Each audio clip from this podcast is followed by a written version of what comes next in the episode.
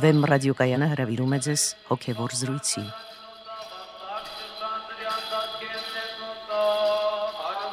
Սիրելի ունկնդիրներ, Վեմ ռադիոկայանի եթերում են արժանապատիվ Տեր Մեսրոպ Քահանա Արամյանը եւ Արա Սարգսակ Նալչաջյանը։ Այսօրվա մեր զրույցի թեման է Աստված ճանաչողություն։ Օրհնեցեք Տեր հայր։ Աստված օրհնի։ Տեր հայր, Աստծո նպատակն է, Աստված կամենում է մարդկանց իրենց մոտեցնել։ Սա կատարվում է Աստված ճանաչողության միջոցով։ Նախորդ զրույցի ժամանակ դուք հակիրճ կերպով անդրադարձաք Աստվածային մի քանի անունների, ասելով, որ Աստծո անունները առհասարակ սիմվոլներ են, որոնք ասելով, որոնք տալով, դիմելով Աստծուն, մենք մտնում ենք Աստված ճանաչողության մեջ։ Ինչպես է կատարվում Աստվածային անունների միջոցով նրան ճանաչելու այս գործընթացը։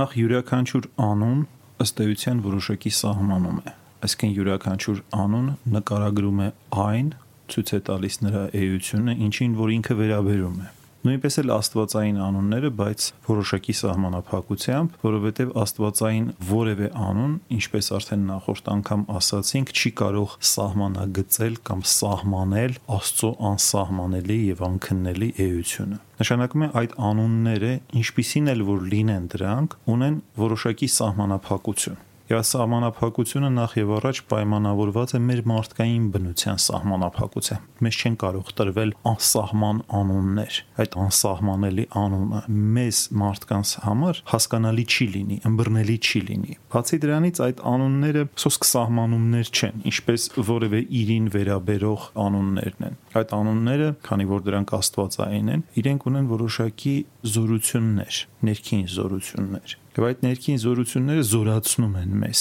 որպեսի մենք ճանաչենք գանք էական ճանաչողության, որտեղ Աստծո ճանաչողությունը դա ինչ որ մտքային ճանաչողություն չէ, մտաբանական ճանաչողություն չէ, որ մենք ինչ որ դատողություններ անենք Աստծո մասին, պատկերացումներ կազմենք Աստծո մասին։ Դա նախ եւ առաջ ներքին կապ է Աստծո հետ եւ յուրաքանչյուր անուն հատուկ կերպով զորացնում է մեզ, եթե մենք այդ անուններին մոտենում ենք խիստ որոշակի կերպով, այսինքն հավատքով ենք մոտենում այդ անուններին, որովհետև այդ անունների նկատմամբ մենք կարող ենք այլ վերաբերմունք ունենալ։ Այդ դեպքում այդ անունները մեզ չեն զորացնի, այլ միգուցե ընդհակառակը կփակեն մեզ համար Աստված ճանաչողության ճանապարհը, որտեղ մյուս կողմից էլ ասված է, որ Մարգարիտը պետք չէ խոզերի առաջ նետել։ Այսինքն իրենք երկու ստեկ զորություն ունեն, երկկողմանի է այդ զորությունը։ Մի կողմից երբ մենք հավատքով ենք մոտենում, դրանք մեզ որոշակիորեն զորացնում են, Այսինքն մենք հոգով հասկանում ենք, որ Հիսուս Քրիստոս անունը դա ամենաբարձր անունն է, որ կարելի երկրի վրա տալ, բայց մյուս կողմից, եթե մենք հավատքով չմոտենանք, այդ զորությունը կփակվի մեզ համար եւ մենք չենք գա Աստուծո էական ինչ որ ճանաչողության, ներքին հոգևոր ճանաչողության։ Մի խոսքով այդ անունները եւ սահմանելի են, այսինքն որոշակի սահմանումներ են մեր մարդկային մտքի համար, որպեսզի մենք ձեռք բերենք որոշակի չափանիշներ, բայց առավելապես դրանք ներքին ինչ որ զորություններ են, ներքին ինչ որ ազդակներ են, որոնք օգնում են մեզ գալու խիստ որոշակի հոգեվիճակների։ Դուք ասացիք Հիսուս Քրիստոս, այդ անունը տվեցիք։ Ուրիշ ինչ անուններ ունի Աստված։ Այդ անունները շատ են, այդ մասին գրում է Սուրբ Դիոնես Թեսիոս Արիոպագացին իր Հաղագս Աստվածային անվանց կամ Աստվածային անունների մասին նշանավոր գրքում դրանք մի քանի 100 հատ են, այսինքն այն անունները, որոնք տրված են Աստվածային հայտնության մեջ, Սուրբ գրքով կան անուններ, օրինակ ես եմ որ է, Աստված լույս է, Աստված սեր է, զորությունների Տեր, այլ շատ անուններ կան, Հիսուս Քրիստոս եւ այլն, որոնք զանազան տեղերում Սուրբ գրքի հայտնված են մեզ։ Ամեն անգամ խիստ որոշակի նպատակով եւ խիստ որոշակի նախախնամությամբ են դրանք տրված մարդկությանը։ Այսինքն ինչպիսի նպատակով աստվածային անունները իրենք ունեն որոշակի նախախնամական դրսևորում առարչության նկատմամբ։ Կապված թե մեր փրկagorցության որ փուլին է դա վերաբերվում, նույնիսկ պատմականորեն ինչ փուլի է դա վերաբերվում։ Ուրեմն այդ անունները ոչ թե փոփոխություններ են կրում, տարբեր կերպով են ի հայտ գալիս, որովհետև մի անգամ մեզ պետք է որ մենք հասկանանք, որ Աստված բացարձակ էություն է եւ չհամեմատենք Աստծո էությունը որևէ այլ բաների գոյության կամ էության հետ եւ հասկանանք, որ ինքը բոլոր էությունների պատճառն է։ Մեկ այլ տեղում Աստված հայտնվում է որպես զորություն եւ մենք պետք է հասկանանք, որ երկրի վրա գործող կամ հոգեվոր ոլորտում գործող որևէ ուժ չի կարող համեմատվել այդ աստվածային զորության հետ։ Մյուս անգամ Աստված հայտնում է, որ մեղավոր մարդկանց արդեն հայտնվում է որպես սեր եւ որպես բացարձակ ներողամտություն եւ մենք հասկանում ենք, որ մենք մեղավոր որդիներն ենք երկնավոր հոր եւ կարող ենք գալ մեր հոր մոտ եւ ստանալ մեր մեղքերի թողություն եւ այլն։ Այսինքն ամեն մի անուն, որ հայտնվում է մեզ, ինքը հայտնվում է խիստ որոշակի նախախնամությամբ եւ խիստ որոշակի նաեւ փրկաբանական նպատակով։ Դա նպատակ ունի այդ անունը։ Աստվածային բոլոր անուններն են փրկagorցական նպատակով տրված։ Այլապես կարիք չկա, որ Աստված որևէ անունով հայտնվի մեզ։ Ընդհանրապես Աստված մարդ փոխհարաբերությունը ինքը անդեմ փոխհարաբերություն չի, դա խիստ անznական փոխհարաբերություն է եւ ունի նպատակ։ Հենց այդ նպատակը մարդու փրկagorցությունն է։ Աստված ուրիշ նպատակով չի հայտնվում մեզ չի ցույց տալիս ինքն իրեն, չի ասում թե ով է ինքը, այլ միայն այն նպատակով, որ մարդը գնա դեպի աստվածային կատարելություն, այսինքն վերականգնի իր մարդկային իդեալը եւ նպատակը եւ գնա առ Աստված։ Սա է աստվածային անունների նպատակը։ Դեր է, ասացիք, որ յուրաքանչյուր անուն ինքը որոշակի սահմանում է, սահմանագծում է, այսինքն որոշակի գիտելիքներ, գաղափարներ, իմացումներ, որոշակի ծիր է, որի մեջ բովանդակություն է պարունակվում։ Այսինքն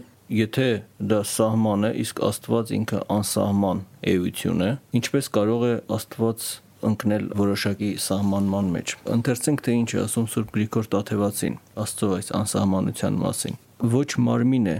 ոչ հոգի, ոչ միտք, ոչ էլ որևէ այլ բան, որ մենք գիտենք կամ իմանում ենք։ Անհասանելի, անքննելի, անճարելի ոչ միայն մեզ համար, այլև բոլոր եղական ճանաչողությունների համար, անիմանալի է եւ անհայտ, անտեսանելի է հրեշտակների համար եւ անհայտ մարդկային մտքի համար, թե ինչպիսին է կամ ինչ է աստվածության էությունը եւ բնությունը։ Այսինքն մենք անուններ տալով, այսինքն սահմանումներ առաջադրելով, միթե կարող ենք ճանաչել աստվածային այս անսահման բնությունը։ Միթե դա սկզբունքորեն հնարավոր է ընդհանրապես։ Ուրեմն Աստված թույլ է տալիս, որ մենք իրեն ճանաչենք, եւ այդ ճանաչողությունը ունի որոշակի փուլեր։ Եվ նույնիսկ այս ինչ որ որ ասում է Գրիգոր Տաթևացին, որ գրում է անքննելի անըմբռնելի սա նույնպես Աստված ճանաչողություն է։ Որտեղից ենք մենք իմանում, որ Աստված անքննելի է, որտեղից ենք իմանում, որ Աստված անջարելի է։ Նույնիսկ որ այդպիսի խոսքեր կարող ենք մենք ասել Աստծո մասին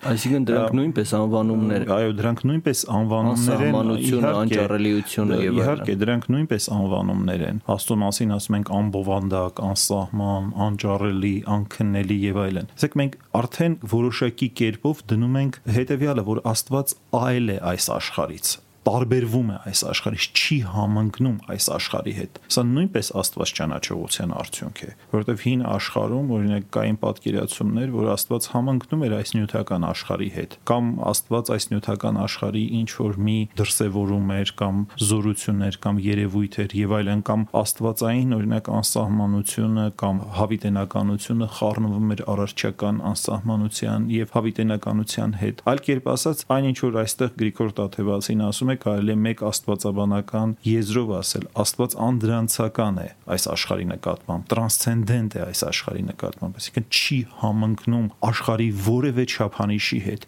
ինչ չափանիշ էլ որ մենք դնենք աստված վեր է դրանից բայց այստեղ մի շատ կարևոր պահ կա թե որտեղ ենք մենք այդ պահին երբ որ այդ չափանիշները դնում ենք։ Եթե մենք ըստ այդ չափանիշների բարձրանում ենք դեպի Աստված ճանաչողության լեռը, այսինքն հրաժարվում ենք այդ չափանիշներից, ուրեմն մենք գնում ենք առ Աստված, միավորվում ենք Աստծո հետ։ Այսինքն մենք չենք կարճում այդ չափանիշներից։ Մենք ամեն անգամ ասելով որ Աստված այս չէ, մենք հասկանում ենք որ Աստված ավելի վեր է եւ մեր հոգով ձգտում ենք դեպի վեր բարձրանալ։ Եվ եթե մեր հոգու ձգտումը դեպի վեր բարձրանալն է, Աստված էլ զորացնում է հենց այդ անուններով մեզ այդ անունների մեջ դրված ներքին խորհուրդներով, որպեսզի մենք գանք Աստծո հետ էական միավորության, որովհետև նպատակը Աստծո հետ միավորվելն է լինի մտքով, լինի հոգով, իր բոլոր զորություններով եւ այլն, կատարյալ միավորումն է Աստծո հետ։ Սա է կրոնական ճանապարհի նպատակը։ Պաստորեն ինչ է ստացվում, մենք ինքներս եւ չափանիշներ ենք առաջադրում եւ ինքներս ինքնական կերպով հրաժարվում ենք այդ չափանիշներից։ Մենք չենք առաջադրում այդ չափանիշները նորից։ Այդ չափանիշները տրված են մեզ, հայտնված են մեզ։ Դժվար թե մարդը կարողանա ինքը հորինել նման օրինակ չափանիշներ։ Ամեն դեպքում մենք տալիս ենք այդ անունները։ Աստծուն ասում ենք սեր, խնդություն, խաղաղ ճանաչողություն, անճարելի, անբովանդակելի, անսահման եւ այլն։ Մենք չէ որ արտաբերում ենք այդ անունները։ Մենք հասկացել որ Աստված ծեր է։ Եթե Աստված որպես ծեր չդրսևորվի եւ իր անճարելի սերը մեզ ցույց չտա, մենք կարող ենք հասկանալ, որ Աստված ծեր է։ Մենք կարող ենք ընդհանրապես հասկանալ, թե սերը ինչ բան է։ Սիրո ինչ չափում է բերել Աստված աշխարհ իր որդու մարդեղությամբ, իր միածին որդու զոհաբերությամբ մեր մարդկանց մեղքերի համար։ Մենք կարող ենք նման օրինակ չափում հասկանալ։ Եթե օրինակ սիրո մասին է գնում խոսքը, որ Աստծուն տրված ամենակատարյալ անուններից մեկն է Աստված սերը, ապա կարող ենք ասել, որ նույնիսկ հին աշխարհին հայտնի չէր, թե ինչ բան է սերը, կատարյալ սերը ինչ բան է սիրո ինչ անջարելի չափումներ կան Եվ դա բացվեց մեզ Հիսուս Քրիստոսի խորհրդով։ Երբ որ Աստված եկավ դարձավ մեր նման մարդ, դատապարտվեց մեր մեղքերի համար, որ անմեղ էր, եւ մեզ ցույց տվեց այդ դեպի երկին գնացող ճանապարհը, բացեց մեզ համար այդ ճանապարհը, ոչ թե ցույց տվեց, այլ բացեց էապես, չկար այդ ճանապարհը։ Տվեց մեզ փրկության ճանապարհ, սիրո ճանապարհ։ Այդ ինչպես մենք պետք է հասկանանք։ Նշանակում է յուրաքանչյուր աստվածային անվան տակ կա դրված խիստ որոշակի աստվածային տնօրինական նախախնամություն, փրկաբանական նախախնամություն կա։ Դրանք պարզապես ինչ որ խոսքեր չեն, դա ինչ որ իրի անվանում չէ դա լուրջ նաև հոգևոր ճանաչողություն է դա նաև որոշակի ինչպես արդեն ասացի զորություն է որը օգնում է մեզ առաջ ընթանալու առանց որևէ բառեր ասելու այսինքն այդ խոսքերը այդ անունները զորացնում են մեզ որպեսզի մենք հոգով բարձրանանք ճանաչողության ավելի բարձր աստիճանի վրա Հասկանալի է դեր մինչև Աստված չտա մենք ինքներս չենք կարող հանգել նման եզրահանգումների թե Աստված ինչպիսին է այս է այն է սակայն ինչ է ստացում մենք Աստծո այդ հայտնությամբ տալուց հետո երբ որ արտաբերում ենք այդ անունները, ասում ենք դրանք, դիմում ենք Աստծուն այդ անուններով եւ միաժամանակ դուք ասցիք նաեւ որ հրաժարվում ենք այդ անուններից, որոնք իրենք իրենցից ներկայացնում են սահմանումներ։ Ոչ միայն ոչ միայն այդ, այլ նաև այդ անունները խիստ որոշակի ներքին ապրումներ են։ Դրանք մտաբանական, ուրեմն միայն սահմանումներ չեն։ Դրանք աստվածային տնորինություններ են մեզ հայտնված իր փրկաբանական անհրաժեշտ ծավալումներով, իր փրկաբանական անհրաժեշտ զորություններով եւ մարդ իր հոգով պետք է արձագանքի դրան եւ ընթանա առաջ եւ ինչքան որ առաջ ընթանա Աստված այնքան ավելի մարդուն կզորացնի եւ ավելի կպայծառացնի այսպիսին է Աստված ճանաչողության process-ը բայց ինչպիսին է դա դա միայն այն մարդը կարող է ասել որը որ կենթանի կերպով ճաշակում է այսինքն չի կարելի արտաքին միայն դատողություններ անել այդ ամենի մասին այլ պետք է մտնել դրա մեջ, աշխատել այդ աստվածային անունների հետ ապրել այդ հոգևոր կյանքով։ Այն ժամանակ մենք կտեսնենք, որ դրանք շատ նաև հզոր զենքեր են, եւ որտեվ այդ անուններից, ասենք Հիսուս Քրիստոս անունից սարսում են դևերը։ Դա թե սոսկ անուն լիներ, որևէ տեսակի անուն լիներ, ինչու պիտի սարսեին դևերը։ Ուրեմն նշանակում է այդ անունը արդեն ունի դիվային զորությունները հալածելու խիստ որոշակի զորություն ասենք օրինակ աղոթքներ են գրում նարեկաց օրինակ աղոթքները որդի աստծո կենթանվո եւ այլն մնացած աղոթքները որոնք որոշակի անուններ են պարունակում իրենց մեջ եւ այդ աղոթքները նույնպես ունեն որոշակի զորություն այսինքն եթե մենք հավատքով արտասանում ենք այդ աղոթքները դրանք ունեն զորավոր ներգործություն եւ մեր հոգիների վրա եւ նաեւ ունեն դիվահալած զորություն այդ դեպքում ինչ է տալիս այդ անուններից հրաժարումը որի մասին դուք ասացիք? Աստվածճանաչողության լերը բարձրանալով մենք միաժամանակ եւ տալիս ենք այդ անունները եւ նաեւ հրաժարվում ենք դրանցից որպեսի առաջ գնանք առավել աստվածճանաչողության մեջ ինչ է նշանակում դա ոչ թե հրաժարվում ենք այդ անուններից, այսինքն տալով այդ անունները մենք բարձանում ենք էապես նոր ճանաչողության։ Երբ որ օրինակ մենք ասում ենք, որ Աստված անճարելի է կամ Աստված անբովանդակելի է, մենք պետք է հասկանանք, որ դա ասելով, երբ որ ասում ենք անճարելի կամ երբ որ մենք ասում ենք անբովանդակելի կամ երբ որ ասում ենք հավիտենական, դա նշանակում է այն ամենը, ինչ որ որ մենք գիտեինք եւ կարող էինք ասել, դրանով ըստ էության մենք ոչինչ չենք կարող ասել Աստծո մասին, սա արդեն նոր տեսակի ճանաչողություն է։ Երբ որ ասում ենք անբովանդակելի է, դա միայն չի նշանակում, որ պարզապես մենք ասում ենք, որ Աստված անբովանդակելի է։ Դա նշանակում է, եթե մենք էերի բոլոր էությունները քննեինք, ամբողջ արարչագործությունը քննեինք, մենք գայինք եւ գեզրահանգեինք նրան, որ Աստված անհամընկնելի է այս արարչության հետ եւ այլն։ Այսինքն այդ անունների հետ աշխատելով այդ անունները օգնում են մեզ ավելի վեր բարձրանալու, իսկ դեպի ուր բարձրանալու այս մասին արդեն խոսում է անճարելի աստվածաբանությունը, որտեղ ընդհանրապես որևէ բան Աստծո մասին խոսել հնարավոր չէ։ Ընդհանրապես աստվածաբանությունը համաձայն Դիոնեսիոս Արիոպագացու բաժանվում է 4 աստիճանի Դրանք են տպավորական, պատճառական, նշանական եւ խորհրդական կամ անճառելի։ Ուրեմն աստվածաբանությունը նաև լինում է երկու տեսակի։ Առաջի 3 աստիճանները ընկնում են ճառելի աստվածաբանության ոլորտի մեջ, այսինքն տպավորականը, պատճառականը եւ նշանականը ընկնում են ճառելի աստվածաբանության ոլորտի մեջ, երբ մենք Աստծո մասին որոշակի բաներ ենք ասում, որոշակի պնդումներ ենք կատարում Իսկ 4-րդ աստիճանը, այսինքն խորհրդական աստվածաբանությունը, գնում է անճառելի աստվածաբանության ոլորտի մեջ, երբ մենք Աստծո մասին ըստ էության ոչինչ արդեն չենք կարող ասել։ Արդեն հասել ենք խորհրդական, այսպես ասած, ճանաչողության այն բարձրագույն գագաթին, երբ հնարավոր չէ Աստծո մասին որևէ տեսակի խոսք կամ սահմանում ասել կամ որևէ անուն տալ Աստծուն։ Այս մասին գրում է արդեն Սուրբ Դիոնեսիոսը իր խորհրդական աստվածաբանության մասին գործի մեջ, որը մենք հրատարակել ենք Կանցասարի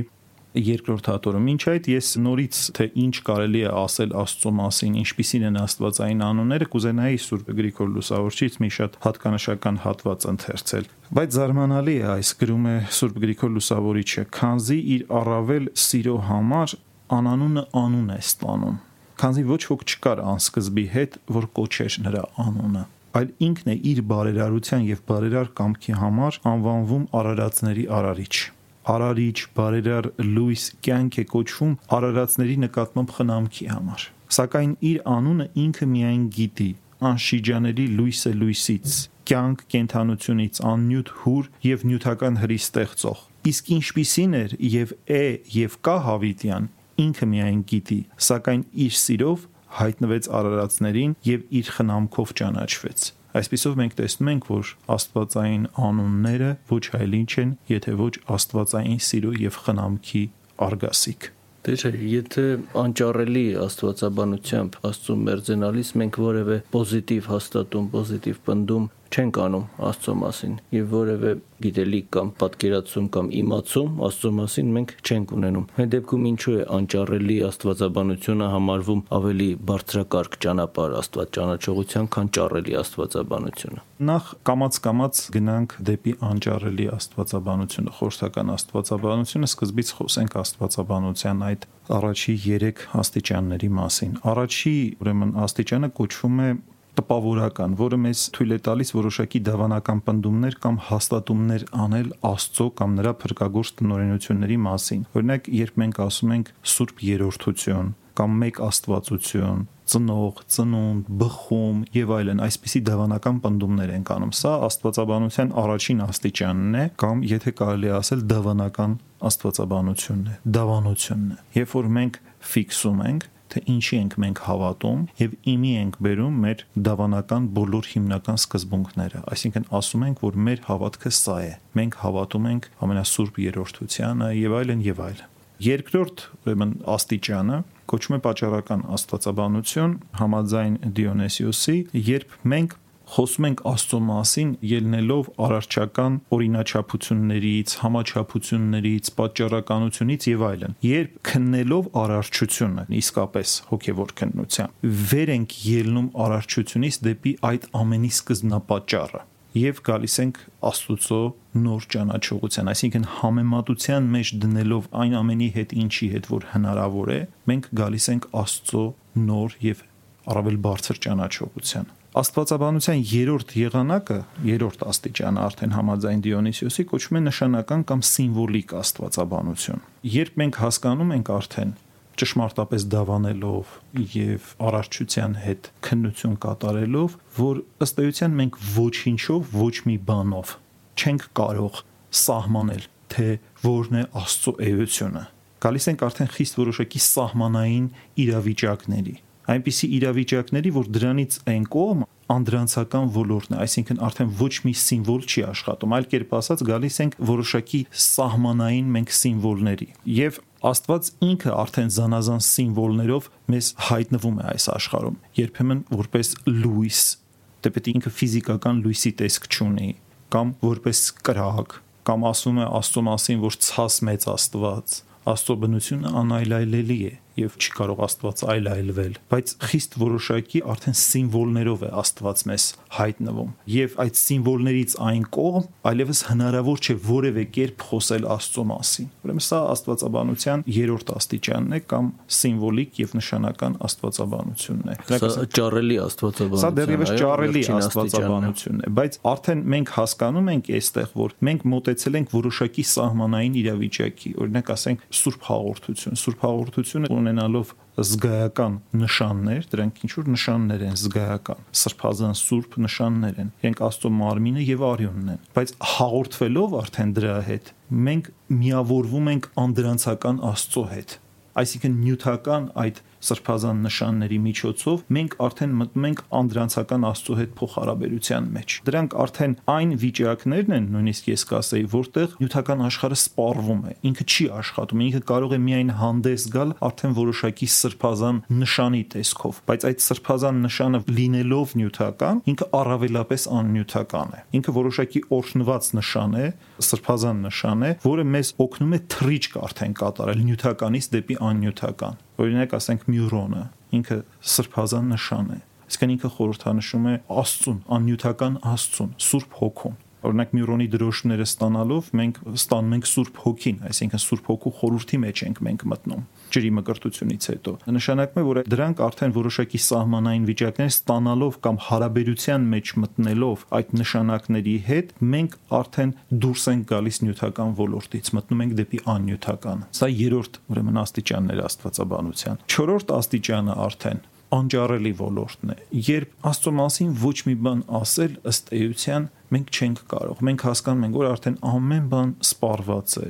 Իսկն դավանեցինք, համեմատության մեջ մտանք, հետո եկանք դեպի սահմանային վիճակները եւ դրանցից էլ հրաժարվեցինք, արդեն այլևս ոչ մի բան չի աշխատում հնարավոր չէ ուրեմն Աստծո մասին ասել մի բան, որը քիչ թե շատ կարող է պատշաճ լինել Աստծո էությանը։ Պաստորեն այդտեղ մենք գնում ենք այն ճանապարհով, որ ասում ենք թե Աստված ինչ չէ, բացասումների ճանապարհ։ Այո, դա կոչվում է բացասումների ճանապարհ։ Երբ որ մենք արդեն Աստծո մասին խոսում ենք ոչ թե դրական սահմանումներով, այլ բացասական սահմանումներով, ասում ենք, որ Աստված անճարելի է, անքննելի է, անբովանդակ է, անսահմանելի է, անըմբռնելի է եւ այսպես արդեն բացասելով Աստծուն ճանաչելու որևէ անվանական եղանակ, որևէ կերպ աշխարի, մենք մտնում ենք Աստծո հետ արդեն անքննելի փոխհարաբերության մեջ, անճարելի փոխհարաբերության մեջ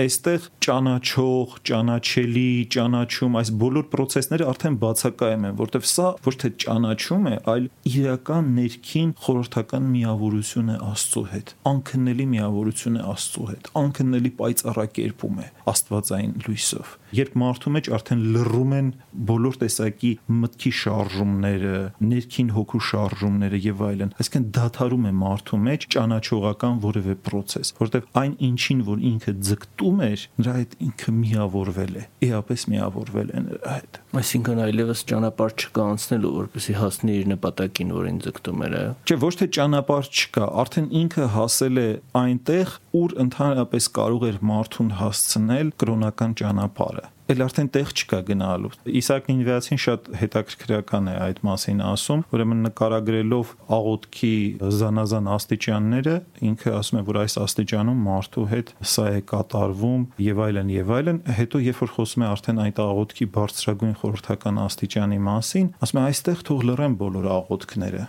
այստեղ թող կանգնեն հոգու բոլոր շարժումներ, այստեղ թող կանգ առնի ամեն բան, ինչ որ որ կա, որտեվ եկել է ինքը տանտերը։ Այսինքն այն ինչ որ որ մենք կարող էինք անել,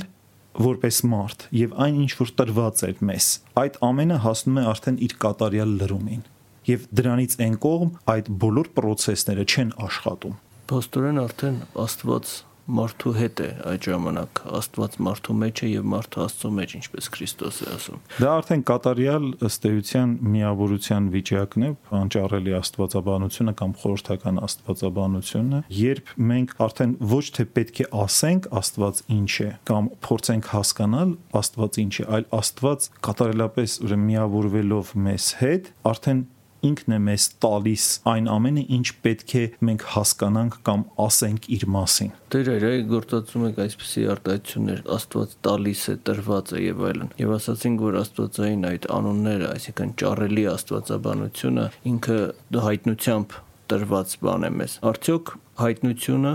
այսինքն այդ տրման process-ը գործ ունի նաև այստեղ անճառելի աստվածաբանության մեջ անշուշտ գործ ունի, որտեղ անճառելի աստվածաբանությունը, եթե մենք նայում ենք արդեն այս աստիճանակարգմանը, ինքը արդեն գերագույն հայտնությունն է, որտեղ դա արդեն կատարյալ միավորման վիճակն է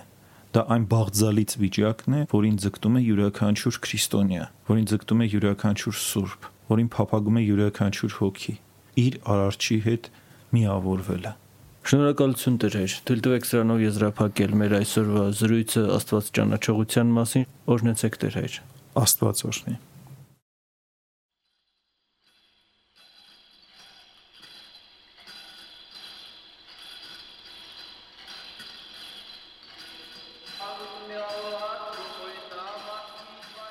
Հոգևոր զրույցներ հաղորդաշարի հերթական հաղորդումը վարեց Արաս Սարգսակ Նալչաջյանը